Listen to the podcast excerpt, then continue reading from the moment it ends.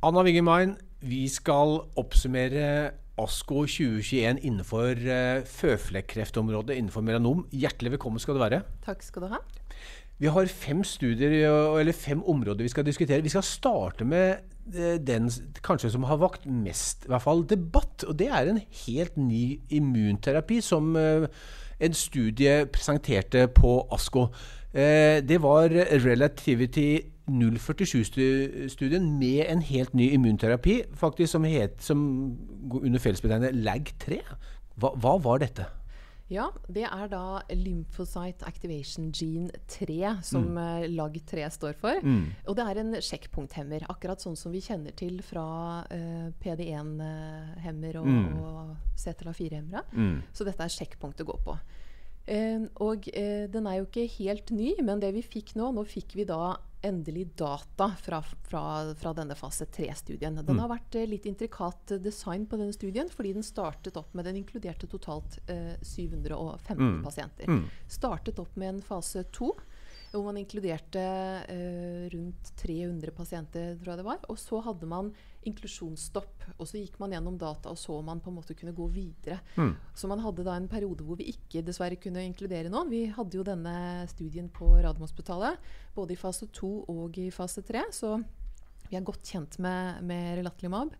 Eh, og så åpnet det igjen, og så ble det en fase tre som mm. gikk videre. Eh, og der eh, kan man jo si at vi fikk eh, tolv nå, og hvor vi så at det var eh, en sammenligning da med, mellom Relatlimab pluss Nivolumab mm. versus Nivolumab eh, monoterapi. Mm. Så, så, det var på en måte det som var ja, det spennende å sammenligne litt. hva kan vi hente der? Og, og hva var det resultatene fra studien viste? Ja, altså da var det 48 eh, progresjonsfree survival, ja. progresjonsfri overlevelse, versus mm. da 36 etter 12 måneder. Mm. Så man kan si at dette er tidlige tall. Men det sier allerede nå, og når vi ser på disse kurvene fra mange immunterapistudier, de fleste faktisk, så ser vi at det skjer gjerne noe etter tolv måneder. Altså, mm. Da er det en uh, divergens av kurvene, og man ser at, at, det er ofte en trend som, som mm. holder seg da. Så vi ser at de har allerede skilt lag. Og uh, det sier jo noe om at det er bedre å legge til denne relatlimabben enn eh, det er å gi nivolumab monoterapi alene, som veldig mange får i dag. Mm, nettopp. Ja, for, for, for, her kombinerer vi altså to immunterapier. Og, og dere jo, har jo brukt andre immunterapier i kombinasjon, altså nivolumab og ipilimumab, som er jo en ganske, som er vel standardbehandling for denne pasientgruppen i dag på mange måter? Ja, og det eh, er et veldig godt poeng det du nevner der med IPI-NIVO. fordi at eh, ipilimumab og nivolumab er jo kombinasjonsbehandlingen mm. som eh, brukes ved metastatisk malignt melanom i dag i førstelinja. Eh, kan også bruke PD1-hemmere, altså enten. Nivolumab mm. eller Pembrolizumab monoterapi, eller selvfølgelig Berafmec.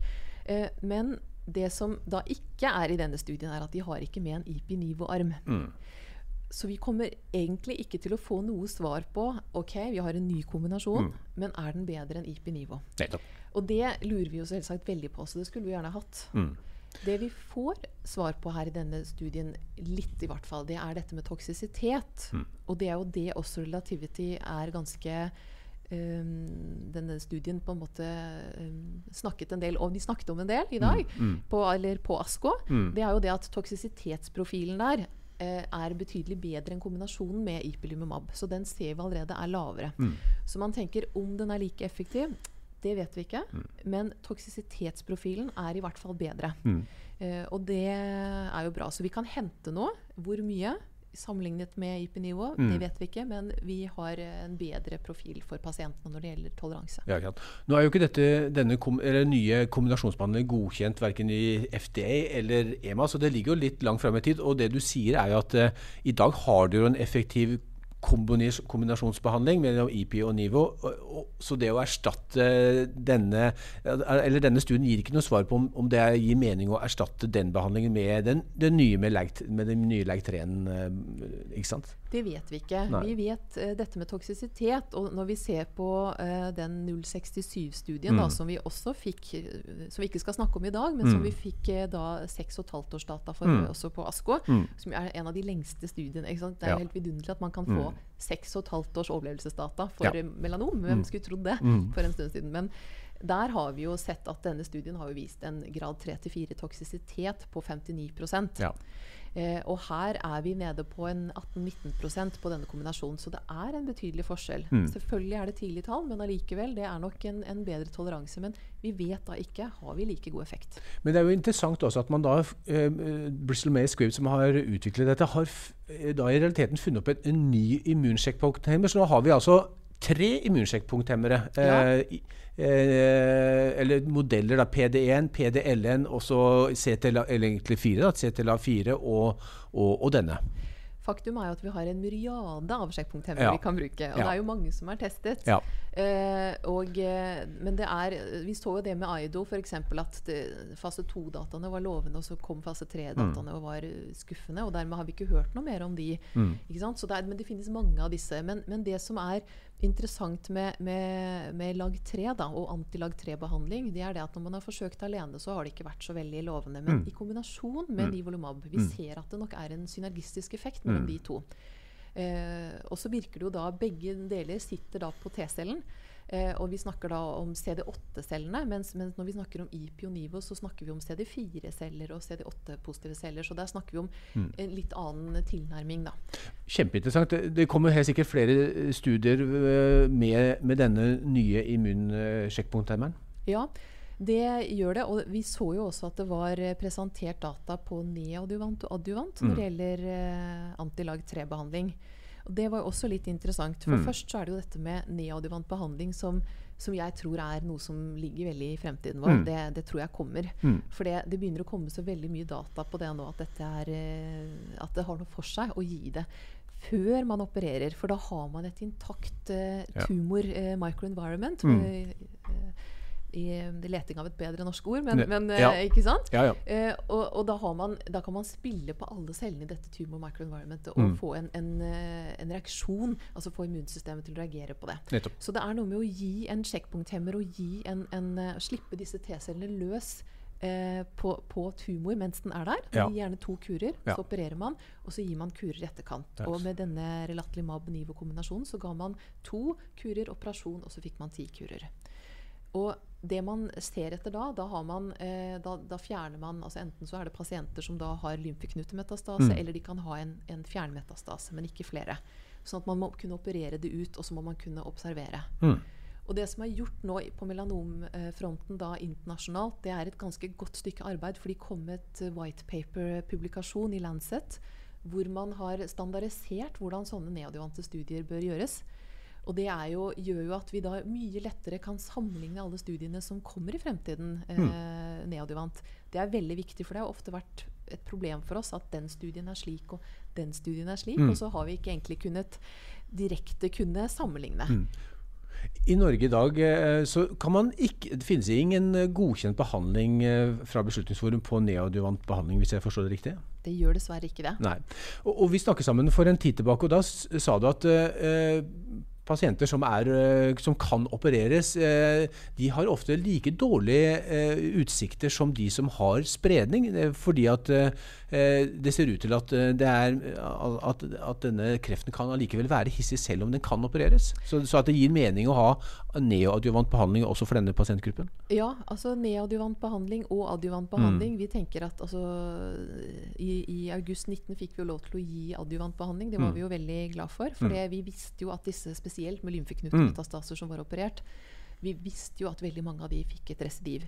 Men nå vet vi også, og basert på noen norske data som vi, vi hadde på den World Melanoma Conference, eh, og som vi jobber med en publikasjon på, hvor vi ser litt at disse norske pasientene som har bare føflekkreft, eller bare melanom i hud, hvis man skal si bare, eh, men som er litt tykke og ulcererte, litt altså aggressive av kvalitet, de kan veldig fort også gi fjernmetastaser senere. Og de går jo bare til kontroller i dag, og man tenker selv der kan det være eh, en mulighet til å gi adjuvant behandling og ha en gevinst. Hvor mye vet vi ikke, men, men det er absolutt flere studier i verden som, som undersøker det i dag. Veldig interessant. og Vi så jo på ASKO at innenfor andre diagnoser, ikke minst lungekreft, så jobber man med neoadjuvant. Der er det heller ikke noe godkjent behandlinger. Men, øh, men det kommer mest sannsynlig om ikke altfor lenge. Ja, for prinsippet er nemlig det. Du har et intakt tumormikromiljø. Du har mer du kan på en måte lage en reaksjon mm. eh, for immunsystemet på og av, som du kan benytte da videre. Så du får et bredere spekter av disse, Mm. eh, av disse mm, T-cellereseptorene som, mm. som kan eh, reagere senere. Veldig spennende. Vi skal over på en, en eh, ny studie, Keynote eh, 054. Det er jo en, eh, en kjent og kjær studie. Kan du fortelle litt om den? Ja, den var vi med på på Radiumhospitalet også. Det var jo en av disse adjuvante studiene hvor vi sammenlignet da pembrolizumab med placebo. Eh, og eh, nå fikk vi da eh, tall Vi fikk da tall på ASKO hvor vi fikk et treårstall på eh, regression, recurrence free survival. Og, og der så man at det var 64 versus 44% Altså de i i Pembra-armen hadde da 20 bedre utkom. Og vi vet jo det at all adjuvant behandling, hvis vi skal si det under ett, om det er immunterapi eller, eller targeted, så halverer vi risikoen for tilbakekomst av sykdom når det gjelder de i stadium 3. Eh, Det som var litt interessant med, med denne, som da ikke er noe ny for oss, det var det at vi nå fikk data på, på crossover og rechallenge. Og den studien var laget slik at de som da var i placeboarmen, hvis de eh, fikk da eh, sykdomstilbakefall, så kunne de da gjøre en Da ble de da var det lov å gjøre en unblinding for å se ja, de har fått placebo, så kunne de få da pembrolizumab. Så vi fikk litt data på det. Og det eh, var i tillegg også mulig å gi en re-challenge med pembrolizumab hvis man eh, hadde hatt effekt, og det hadde gått mer enn seks måneder. Så kunne man da og hadde gjort ferdig altså det ett års behandling, det gikk mer enn seks måneder man fikk tilbakefall, så kunne man igjen få denne pembrolizumaben. Sant? Og det er jo litt interessant, fordi vi lurer jo på kan man hente en effekt igjen når man gir disse PDN-hemmerne. Så, eh, så det var det som var litt spennende med Keynote 054. Og hva, hva sa den studien? Ja, jeg skal bare se, det var da Det var ikke så mange, skjønner du, for det var bare 20 som var, var på en sånn re-challenge. Eh, først så så vi at de som hadde en crossover, de hadde da 31% av de hadde en, en eh, altså progresjonsfri overlevelse. Så de, de hadde en, en, et bra nytte, de også. Ikke like imponerende uh, som vi har sett i andre studier, men allikevel et godt uh, tall. Så man tenker at uh, det var jo interessant. Og så var det også For for det vi lurer på er kan man vente, eller må man Ja. gi de adjuvant Ja, behandling? ja. ikke sant? Men svaret her var at ikke vent for lenge. Vi tenker at eh, altså, ja, det, vi har jo ikke så mange studier på det. Vi Mm. tenker at jo, du kan absolutt ha en effekt. Og eh, eh, vi er fortsatt ikke helt sikre på om, om, eh, om, om det kan være noe å vente litt også. Mm. Men vi har jo sett at med, med en halv Altså 50% reduksjon av tilbakefall av disse adjuvante studiene, så er det absolutt eh, verdt å gi det med en gang man har operert. Så var det dette med re-challenge. Og da var det jo sånn at det var 47 av de nesten 300 pasientene som fikk tilbakefall. Eh, da mer enn seks måneder. Det var flere eh, som fikk det før. Eh, men 20 av de fikk da behandling. Og da var det bare én av de 20 som oppnådde en sånn eh, komplett respons. Nettopp. Og, så, Så det betyr at uh, immunterapien, eller den, i hvert fall pembrolizumab, den uh, virker ikke to, uh, generelt to ganger. Nei, det er veldig små Ja. uh, tall, Ja. sånn at uh, vi kan ikke si Nei. noe særlig om det. Men det gir en liten indikasjon Ja. på at har man først forsøkt den eh, PD1-hemmeren, og man Mm. får tilbakefall av den, så kan man jo forsøke å gi det en gang til. Men, men hadde det vært min pasient, så ville jeg f.eks. da heller gitt en doble immunterapi istedenfor å forsøke med en monoterapi igjen. Helt klart. Nettopp. Ja, men det er en, en interessant eh, konklusjon. Eh, det var også lagt fram et, et, en studie på øyemelanom. Det er, en, det er en sjelden sykdom, men det var en fase 3-studie. Interessant. Ja. Eh, og de uviale melanomene er jo der eh, melanomene var for 10-15 år siden. Altså, det er sørgelig, for vi har så lite som biter på dem. Og de har en helt annen biologi enn disse hudmelanomene har.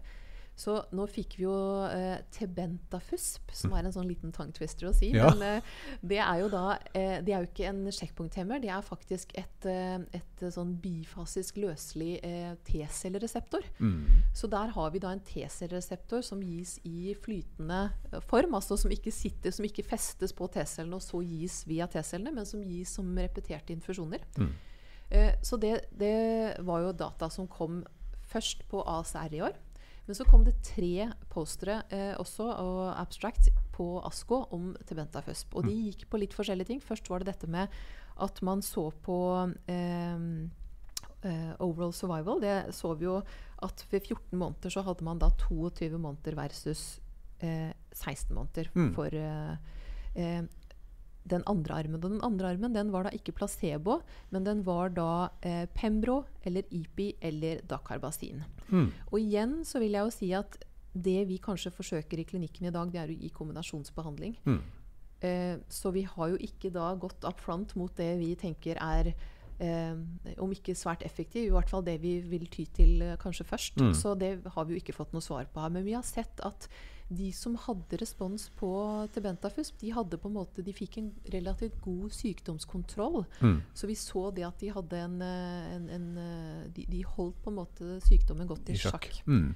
Og så fikk vi også litt sånn toksisitetsdata. fordi at når man snakker om CAR-T og T-celleterapi, så er det slik at vi da fort kommer inn på dette med cytokine release syndrom, Mm. som er en sånn eh, eh, bivirkning som man kan få der. Mm. Og det var man veldig spent på. Hvordan er det med det? Eh, så det man så der, at var at dette var en god toleranse. De fikk cytokine release syndrom med høyt blodtrykk og Mm. feber og litt sånne ting, men det var ingen som trengte denne IL6 Tocilizumab eh, eh, rescue-behandlingen. Mm. Og det er veldig bra, for CAR-T-pasientene trenger relativt ofte det. Nettopp. Så, så hva kan man trekke av konklusjoner fra denne studien? Er, det, er dataene så interessante at den kan eh, si, konkurrere med kombinasjonsbehandlingen IPI og NIVO? Nå har vi jo ikke noe gode tall noe sted. Mm. Overall responsrate her for Tebentafust var 9% versus 5 Mm. i den andre armen. Ja. Så man kan jo si at dette er jo egentlig ganske sørgelige tall, og ikke så veldig mye å rope hurra for. Mm. Men så er det jo litt sånn, hvis vi ser litt historisk bakover, så startet Ipilimumab også ut med ikke så imponerende tall, men, men det at man klarer å vise en forskjell. Mm. Vi tenker at her er det kanskje mulig å hente ut noe. Mm. Så jeg tenker at Tebentafusp er noe vi kommer til å høre mer om. Mm. Og det er jo snakk om at FDA eh, vil prøve å få godkjent dette. Altså at man går for en godkjenning Ja. der, for nå har man jo fase 3. Og vi har ingen overlevelsestall fra fase 3 på øyemelanom Ikke for sant. andre. Og dette er stort medisinsk udekket behov, så det legitimerer jo en godkjenning fra FDA og forhåpentligvis også EMA senere. Absolutt. Ja. Det er nemlig det det er. At vi har så forferdelig lite å, å tilby disse pasientene. Og det er så frustrerende og en så aggressiv sykdom når den først metastaserer, Mm. at her eh, er vi desperate etter et eller annet vi kan eh, behandle de med. Og jeg håper at Bentafusp kan være en av de, eh, en av de eh, redskapene vi har i fremtiden for eh, disse pasientene.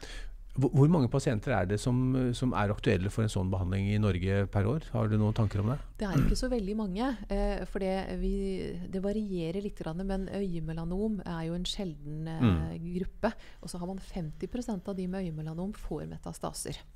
Eh, så vi snakker om en, kanskje en rundt altså Det har vært tall som har vært oppe på 70 pasienter i året som har fått øyemelanom, og helt nede i, i eh, under 40. Mm. Sånn, at, eh, sånn at det er jo ikke mange pasienter. Mm. Eh, så, men allikevel så er det noe med at, eh, at det Men- å bare sitte der og ikke kunne gjøre noe for dem, Ja, er for de får levermetastaser. Det er hovedsakelig der de får sine nettopp. metastaser. Ja.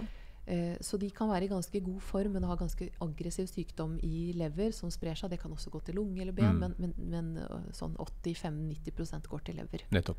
Så spennende. Et, et, et stort medisinsk udekket behov som nå forhåpentligvis finner sin godkjenning i, et, i EMA og FDA ganske snart. Ja, det håper vi. At vi kanskje i 22-23 kan ta dette til bruk i norske pasienter også. Det er ganske raskt. Vi skal avslutte med en eh, norsk eh, studie, eh, studie. Veldig spennende den også. Det var en, en studie fra Ultimovax, Ja. altså med kreftvaksinen UV1. Ja, Hva, hva sa den? Der, der kombinerte man jo eh, UV1 med da, en PD1-hemmer, pembrolizumab. Ja, det gjorde man. Og det var eh, jo en fase 1, så her snakker vi om 20 pasienter som var inkludert. Ja. Eh, men allikevel så, så er det jo Det er jo gøy at det er en altså Vi må jo rope litt hurra Ja. for eh, all norsk forskning, tenker jeg. Absolutt. Så det må vi applaudere. Nå var det amerikanske pasienter som var inkludert i denne fase 1-studien. Men vi er jo godt i gang med denne i, på Radiumhospitalet. Mm. Eh, med norske pasienter. Så mm, de med melanom får den der i fase 2. Mm. Eh, og så er det jo slik at eh, det man så der hos disse pasientene, var at 30% av de pasientene hadde en komplett respons. Ja. Og 30% hadde en partiell respons. Mm. Og det, det er jo veldig bra. Eh, men det er klart når det er 20 pasienter, så, Ja. så det, må man være litt forsiktig med å trekke de store konklusjonene der. Men allikevel så er dette det er liksom en one to watch, tenker vi absolutt. Altså. Nei, for vi så Ultimovax. De gikk jo øh, kanskje litt høyt opp, opp på banen, men, men kanskje også med god grunn. Eh, de sammenlignet jo da disse, denne kombinasjonsdataen med pembrolizumab eh, alene. Altså, Og der var det jo helt åpenbart en veldig stor forskjell i eh, respons. Det var det. Det var altså nesten dobbelt så mye respons når man sammenligner tallene med kombinasjonen med, med UV1. Altså. Ikke sant? Og det, det er jo spennende, fordi prinsippet her er jo at det er en vaksine, og det går mot telomerase. Så det er jo noe som går mot dette hva skal jeg si, evighetsgenet som, som kreftcellene har. Altså at, ikke, at celledelingen kan, kan eh, fortsette i det uendelige, mens våre vanlige celler ikke kan det. Så De fleste kreftcellene har dette, og det er jo også det Ultimovac sa, at dette er noe som ikke bare gjelder melanompasienter, men som kan gjelde mange flere pasientgrupper innenfor kreft uh, senere. Ikke sant? Så, så telomerasen den, eh, på kreftene den gjør at, at man får en uendelig deling av eh, cellene, i motsetning til friske celler. Ja. Så, så, der, så der, det er rasjonalet for å bruke denne vaksinen sammen med en immunsjekkpokkhemmer. Ja. Det er veldig spennende. Nå, nå, jo, nå kjører jo også da, du var inne på det, Ultimovax en, en Intium-studie hvor de da kombinerer UV1 med Yervoy, og, eller Ipilimumab og Nivolumab. Ja. Eh, og det er studier som går i Norge. Ja, den har vi. Vi har den både på Radiumhospitalet og vi har den på St. Olavs. Mm. Og på Radiumhospitalet har vi allerede inkludert flere pasienter. Det er Marta Nyaka som er PI for den på Radiumhospitalet. Det er en fase to-studie, og det blir veldig spennende. Og jeg er veldig glad for at de valgte IPI-NIVO-kombinasjonen der. Eh, for det er jo det den vi tenker er av de godkjente behandlingene, så er jo det den som, som uh, kanskje har gitt lengst og best respons. Mm. Uh, og eh, å kombinere da med den syns jeg var eh, spennende. Nettopp. Veldig spennende. Det, det er jo generelt viktig å velge eh, kontrollarmer som er eh, mest mulig relevante i klinisk praksis, slik at dere har en eh, benchmark å gå ut fra. Det er jo noe med Når du randomiserer pasienter, så er det vanskelig å tilby de en studie hvor kontrollarmen er noe de helst ikke vil ha. Ja. Og det, det er veldig viktig. Og så er det vanskelig for oss klinikere også Ja. å tilby en pasient eh, en behandling hvor vi tenker at vi ville egentlig ha gitt f.eks. kombinasjonen her. Mm. Så derfor så tenker jeg de har lagt seg på en måte på det vi anser kanskje som det beste i dag. Og, og det syns jeg er fint. For Ja. da får man enten det, eller man får det og. UVN-vaksinen. Og så føler man ikke at man er short-changed for, eh, for noen. Nettopp. Da får man eh, standardbehandling som minimum, og, og, og den beste Ja. standardbehandling som mulig. Og så Ja. får man en tillegg for den som er i den aktive armen. Ja. Det, det er positivt. Veldig interessant. Når, når, når tror du at denne Intium-studien vil kunne komme med noen eh, data fra fase 2-studien sin? Initium-studien startet jo nå i år, sånn Mm. at vi eh, venter nok eh, ikke tall der eh, før Jeg tror nok det blir Kanskje snakker vi ASR eller ASKO 23. Mm. Eh, hvis vi får noen primære tall der. Det hadde vært veldig spennende. Og så er det jo noe med at man eh, ser for seg, hvis vi skal se litt frem i tid og tenke når er det vi kan bruke dette, så tror jeg vi snakker eh, ja, på slutten av 20 Ja. eh, 20-årene. Ja. Det tar tid å utvikle et Ja. eh, legemiddel. Det tar uh, fort sju til ti år. Absolutt. Ja. Du, du jobber jo selv med, med, med forskning, Uh, og, og det som vi så nå uh, med, med de, de nye vaksinene for, eh, for, for dette så velkjente eh, covid-19-viruset, der gikk jo utviklingen enormt enormt Ja. fort. Altså, Er det ting som du tror man kan lære innenfor eh, kreftforskning eh, og utvikling av, av kreftvaksiner og, og nye immunterapier, som kan lære av eh, det som eh, Biontech, Pfizer, Moderna har, eh, og også og Johnson Johnson, AstraZeneca har vært gjennom? Ja, det tror jeg. Nå har jo hele verden vært innstilt på at dette skal gå så fort gjennom som Mm. mulig for at Mm. man skal kunne få disse vaksinene. Så her har på en måte forskere verden over sluppet alt de har i hendene, Ja. og satset på forskning med, Mm.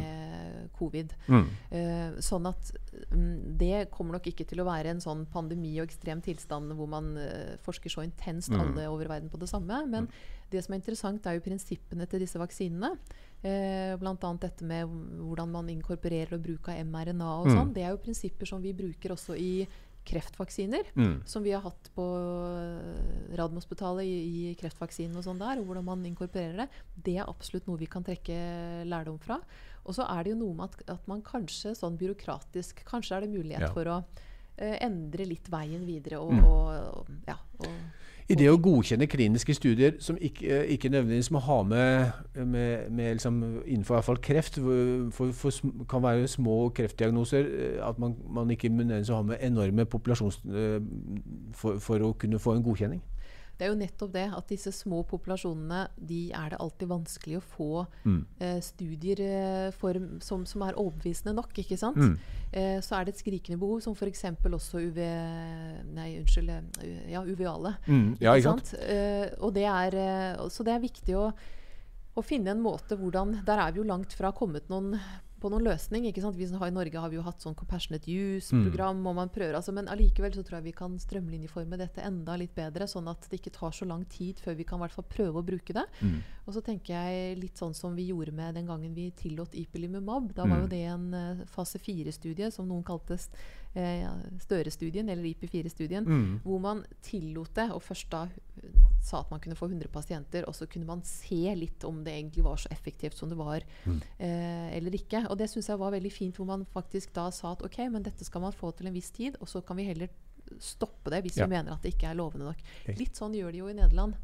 Hvor de ofte godkjenner ting eh, til dels for to år, og så Ja. ser de da en, en recap etter to år. Så, så jeg tenker jeg tror vi kan lære noe av hverandre og kanskje få det litt mer smidig her og, og andre steder, sikkert. Veldig spennende modell. Eh, Anna Wingemann, tusen hjertelig takk. ASKO var en veldig spennende på melanomfeltet. Det, det må vi vel kunne si. Så, så, så, er- så du har jo vært nå oppsummert eh, flere studier. Eh, det har vært spennende i år. Ja. Det, altså, nå var jo ikke ASKO eh, for melanom. Vi var ikke snakkisen på plenary sessions. Vi Nei. hadde ikke noe der i Nei, år. nei. Eh, Men det har jo vært det i ganske mange år. Men det var veldig mye spennende eh, abstracts og ting som ble presentert allikevel. Mm. Fordi vi begynner å komme såpass langt. Så vi har egentlig en god del sånn med tanke på neadjuvant, Ja. se på mulige biomarkører, se på eh, kombinasjoner. Altså litt sånn hvordan Mm. kan man gi det sekvensering. Så det var, eh, det var absolutt nok å Jeg sitter fortsatt og leser eh, masse abstracts som jeg syns er veldig spennende. Så, så, men jeg håper jo at kanskje vi neste år kan få være eh, samlet. Eh, for det, det er jo Jeg pleier å si at man kommer hjem og er litt sånn høy på onkologi. Når man Ja. har vært litt sånn, Ja. altså fordi at det gir en sånn bøss, og du kommer hjem og, og blir så inspirert og motivert. Mm. Eh, og, og den inspirasjonen og motivasjonen, den, den var i mindre grad når man sitter hjemme ja. i helgen og ser på Hver for seg. Ja. I strålende norsk eh, sommer eh, hvor det koker ute, og du må sitte på kvelden og se på ASKO Plenary eh, eller ASKO-presentasjoner. Ja. Så får du ikke den bøssen, og du Nei. hører ikke altså Du får ikke snakket med kollegaer eller møtt andre fra andre land. Altså, Mm. Det er noe med hvor du får utvekslet litt eh, Det er jo ganske mange som får i gang en studie ved at man står og Ja. kommer på en idé og snakker med noen Ja. fra et annet land f.eks. og får til et samarbeid. Altså Man må rett og slett møtes, og det er vanskeligere å gjøre det over skjermen. Ja, altså. Det håper vi på at eh, neste år blir det Chicago. det var Eh, det gjør vi. Eh, Anna Wingemein, hjertelig tusen takk for at du ville oppsummere ASKO 21 på melanomfeltet. Bare hyggelig. Takk for invitasjonen. Tusen takk.